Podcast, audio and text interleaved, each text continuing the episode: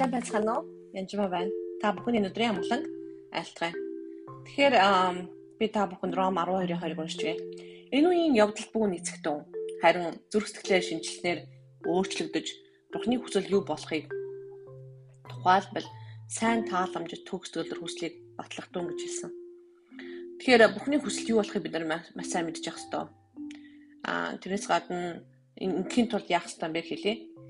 Аа Ром 8-ийн 9-13-ыг уншиж өгье.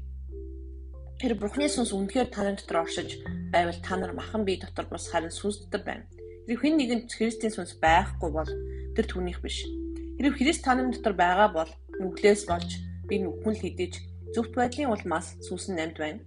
Мөн үзэх үхгтээс Есүсийг амьдуулсан нэгний сүнс таны дотор оршвоос Христ Есүсийг үхгтээс амьдуулсан тэр таны дотор оршдог өөрийн сүнсээр дамжуулан өвхлийн бид чинь амьгнөө. Тийм дахтуунараа бид махан биеийн дагуу амьдрахын тулд махан бид өртөнгүүд биш. Учир нь хэрэг та нар махан биеийн дагуу амьдрал өгөх ёстой. Харин та нар сүнсээр биеийн үсийг өгөл түргэл амьдрах болно гэж хэлсэн. Тийм Еврей 10:38 дээр харин миний зүвт нэгэн итгэлээр амьдрах бөгөөд тэр ухрах хаваас миний сэтгэл түүнийг таалахгүй гэжээ. Тэр миний зүвт нэгэн итгэлээр амьдрах хаваас Еврей 10:38 Харин 4 оны ишлээд уншиж юм бэ. Тэгэхээр нэг итгэлээр амьдрах гэж. Тэр итгэлээр амьдрах шийдвэрийг та гаргана гэсэн. Би үнэхээр би эзэмнээ би итгэлээр амьдрах шийдвэр гаргаж байна гэдэг. Тэр итгэлээр амьдрах амьдрал бас амархан ерөөсөө биш. Энэ ч амархан гэж лээгөө. Бурхан амлдаг. Авраам ч амлаж байсан үр хөвгтөн. Гэхдээ тэр бол зөндөө олон 25 жил хүлээсэн. Исаактаас амласан. Амлалтандаа хүрэхин тулд итгэлээр тэр алхсан байгаа. Тэмцсэн байгаа. Сайн тэмцлэр тэмцсэн байна. Тэгэхээр бурхан амлчин гуталдан гэд би болчдөг юм ерөөсөө биш. Ялангуяа хүн хүн дээр Тэр бид нар итгэлээр алхах ёстой. Итгэлээр алхах ёстой. Итгэлээр бүр амьдрах ёстой гэж байна. Итгэлээр амьдрах ёстой гэж байгаа бүр амьдрах ёстой гэж. Тэгэхээр амьдрын гэдэг бол том үг байгаа. Зөвхөн цөмдөр очихороо итгэлтэй юм шиг харагдаад нэг хүн харахад гоё юм шиг харагдаад байгаа уч ойртод очихоор ямар ч үр дүншгүй буюу амьдрал дээр нь гэртээ очихоор өөр болдог илүү нэг амархан гомдом гом эсвэл хүнтэй хэрэлддэг эсвэл ерөөсөө бусдыг муулдаг ч юм уу тий гэртээ очихоор магадгүй ингээ хүн харахад нэг жижигхэн юм за одоо зүгээр л болгодог юм юм хор хордлогоо хийж болохгүй гэсэн. Яагаад вэ гэвэл юу гэхдээ бурхны хүсэл юу болохыг тухайлбал сайн тааламж төгс төлөх хүслийг батлах дүн гэж. Тэгээ бид нар сайныг төгс өдрийг тааламжтай бурхан таалагдах зүйлсүүд хийж гэнэ гэсэн. Тэр ховж бол бурхан таалагдах зүйл ерөөсөө биш ах トゥ угаа муулах нь ч таалагдах зүйл биш. Худлаа ялах нь ч таалагдах зүйл биш.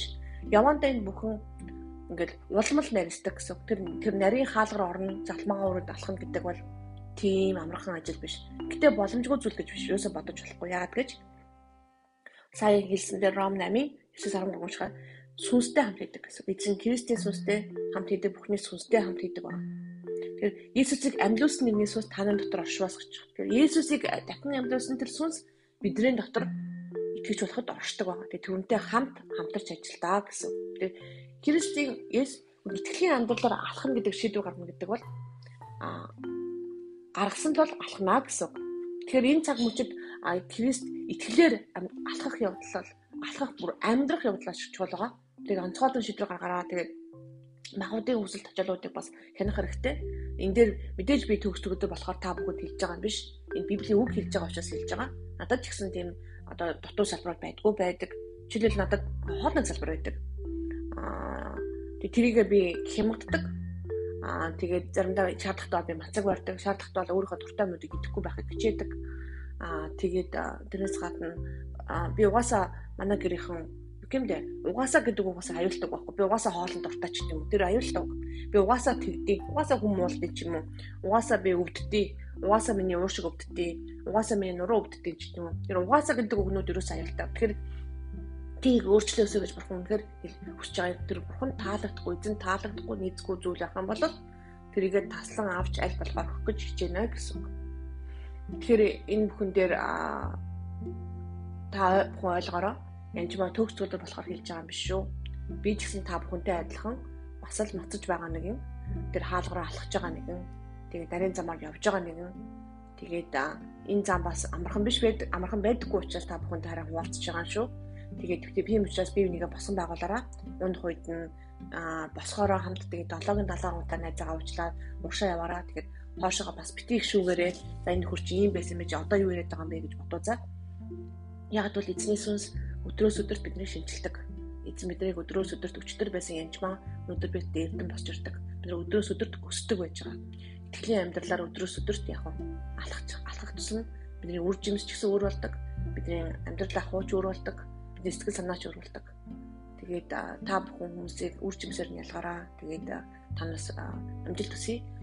Тэгэхээр амьдрын гэсэн шийдвэрийг гаргаараа. Өнөөдөр эхлээд би тэгэхээр амьдрна.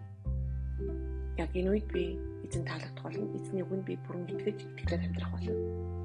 Яа гэм блэ? Чадахгүй бах та гэж бити бодороо унсан ч эзэн уучлаад уршин авч явна. Яг шийдвэр гаргах явдал чухал. Яг Иесусыг хүлээж авсантай адилхан зүйл. Иесусыг хүлээж авах нь чухал. Зүрстгэл оруулах нь чухал. Тэгээд Иесусыг дагалдуулж байгаа дагалдах чухал чухал шүү дээ. Тэрнтэй адилхан юм болж байна. Тэгээд та бүхэнд үнэхээр баяр баясгалангаар дүүрэн байх болтугай гэж өрөөж байна.